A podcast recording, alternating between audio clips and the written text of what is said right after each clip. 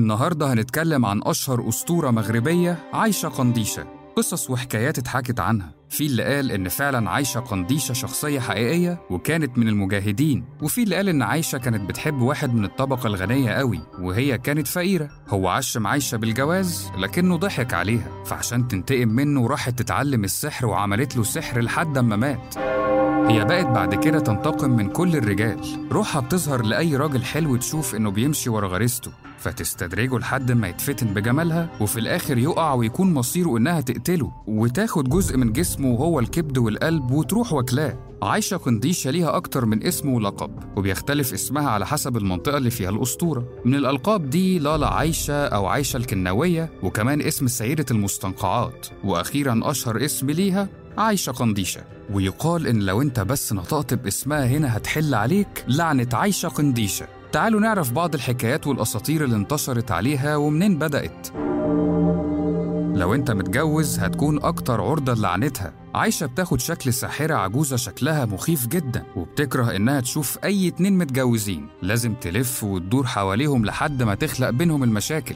يعني انت لو شافتك زوج متوافق مع مراتك وبتحبها جدا مش هتسيبك غير لحد ما تفرق بينكم. فلو انت رحت زيارة للمغرب ومعاك مراتك وصادفت إنك قابلت ست عجوزة وعمالة تحوم حواليك اوعى تأمن لها. دي مش هتسيبك غير وانت منفصل عن مراتك. دي ممكن كمان توصلك انك تقتلها.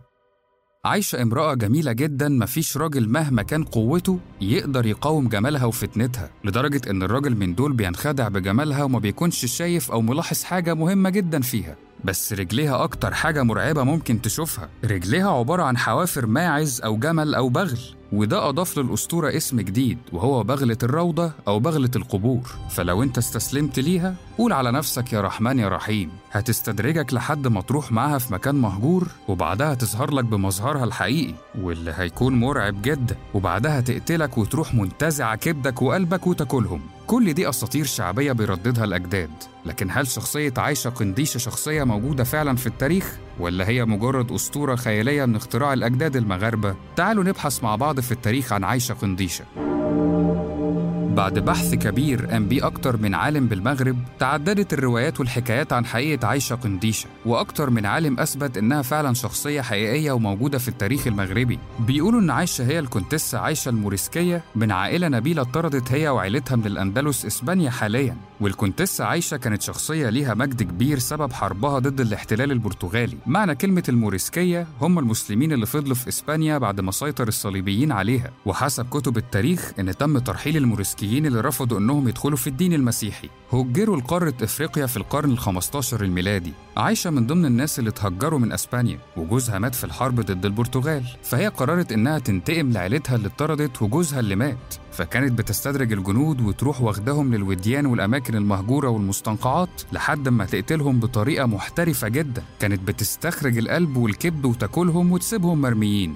زاد اختفاء الجنود والرعب سيطر على كل الجنود اللي في المستعمرات الحربية لدرجة إن الجنود بقوا يؤمنوا إن عايشة مش من البشر بل هي من الجنيات. الرواية كمان بتقول إن عايشة انصدمت بموت جوزها على إيد الغزاة في المغرب. فهي هنا أخذت العهد على نفسها إنها مش هتسيب طارها من اللي قتل جوزها. كانت عايشة بتستخبى طول النهار وتظهر في الليل في المغارات والمستنقعات. كانت بتظهر وجسمها متغطي بالطين. وفي حكاية كمان بتقول إن كان في بنت جميلة جدا من عيلة غنية جدا. البنت دي حبت شاب فقير. الشاب الفقير ما كانش بيحبها. هو كان بيوهم البنت الغنية إنه بيحبها لأنه طمعان في الثروة اللي بتمتلكها عيلتها، يعني كان عايز يتجوزها عشان يعيش في عز عيلتها. عائلة البنت ما وافقوش على إن بنتهم تتجوز من الشاب الفقير، لأنهم كانوا واثقين إن الشاب ما كانش بيحبها بل كان بيحب مالها. البنت أصرت إنها تتجوز الشاب الفقير، هربت من بيتهم وراحت للشاب الفقير، لكن الشاب أول ما عرف إنها هربت من عيلتها سابها وتخلى عنها لأنه مش هيعيش في عز العيلة الغنية بعد ما هربت وسابتهم. ومن هنا البنت حزنت حزن شديد وعلى مدار سنين طويلة كانت بتقعد على شاطئ البحر وتفضل تعيط عند المكان اللي كانت بتتقابل مع حبيبها سابقا. كانت بتقعد على الشاطئ وتبكي حزنا على خيانة حبيبها لحد ما ماتت من الحزن والقهر. ومن هنا بدأت الأسطورة. خرجت من المكان اللي ماتت فيه البنت جنية بتكره الرجال وكانت هي عايشة قنديشة. وكتير من الناس بيقولوا إن عايشة قنديشة مش من البشر هي من الجن. وآخر حكاية معانا بتقول إن كان في عالم آثار اسمه أحمد كان عنده بنوتة اسمها زهرة. دايما أبو زهرة كان بياخدها معاه في الأجازة عشان هي كانت بتحب جدا الأماكن السياحية. وفي إحدى سفرياته أخد بنته زهرة إلى قرية في المغرب مشهورة بحكايات عايشة قنديشة. عالم الآثار ده كان رايح للكشف الأثري. كان بيحفر في مكان مع مجموعة من مسؤولي الآثار وقتها في المغرب. المهم الناس وأهالي القرية كانوا بيحذروه إنه يحفر في المنطقة دي لأنهم بيقولوا إن عايشة هناك. فعلا بعد الحفر بدأ يشوف أحلام غريبة جدا. بعدها بشهر بالضبط من البعثة بتاعته للمغرب ورجوعه لمصر بنته بدأت يظهر عليها حاجات غريبة زي مثلا إنه يبقى منيمها على السرير والصبح يجي يصحيها يلاقي هدومها كلها متغرقة دم. بعد كده أبو زهرة أخد بنته البعثة في الواحات برضه لحفر واكتشاف الآثار المدفونة. بدأت حاجة غريبة تحصل لأهالي الواحات أو المنطقة اللي كان فيها عالم الآثار مع بنته زهرة. يحصل حوادث اختفاء غريبة للأهالي وكان في منهم اللي كان بيموت بطريقة غامضة. كل اللي كان بيختفي شباب بس ما فيهمش بنات خالص. طبعا اللي كان بيعمل كل ده هي عايشة قنديشة اللي متلبسة البنت زهرة بنت عالم الآثار المصري.